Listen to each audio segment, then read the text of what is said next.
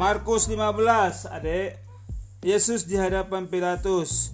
Pagi-pagi benar imam-imam kepala bersama tua-tua dan ahli-ahli Taurat dan seluruh mahkamah agama sudah bulat mufakatnya.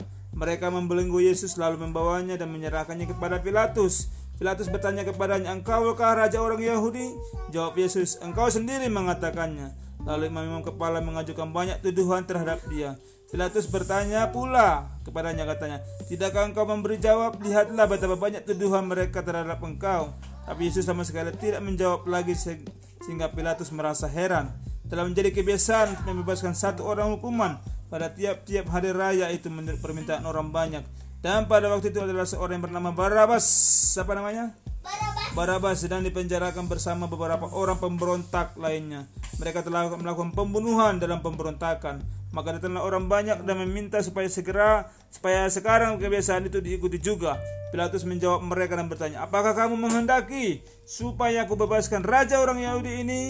Ia memang mengetahui bahwa imam kepala telah menyerahkan Yesus karena dengki. Tapi imam kepala menghasut orang banyak untuk meminta supaya Barabas lain dibebaskan bagi mereka.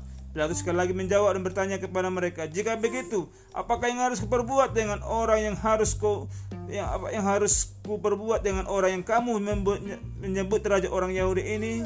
Mereka berteriak, berteriak lagi, katanya, "Salibkanlah dia! Salibkanlah dia!" Lalu Pilatus berkata kepada mereka, "Tapi kejahatan apakah yang telah dilakukannya?" Namun mereka makin keras berteriak, "Salibkanlah dia!" Dan oleh karena itu Pilatus memuaskan hati orang banyak itu. Ia membebaskan Barabas bagi mereka. Tapi Yesus disesahnya lalu diserahkan untuk disalibkan.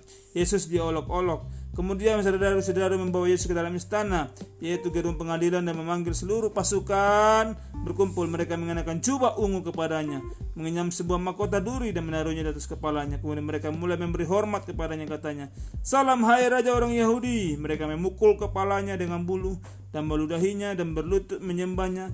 Sesudah mengolok-olokkan dia, mereka menanggalkan jubah itu daripadanya dan mengenakan pula pakaian kepadanya. Amin.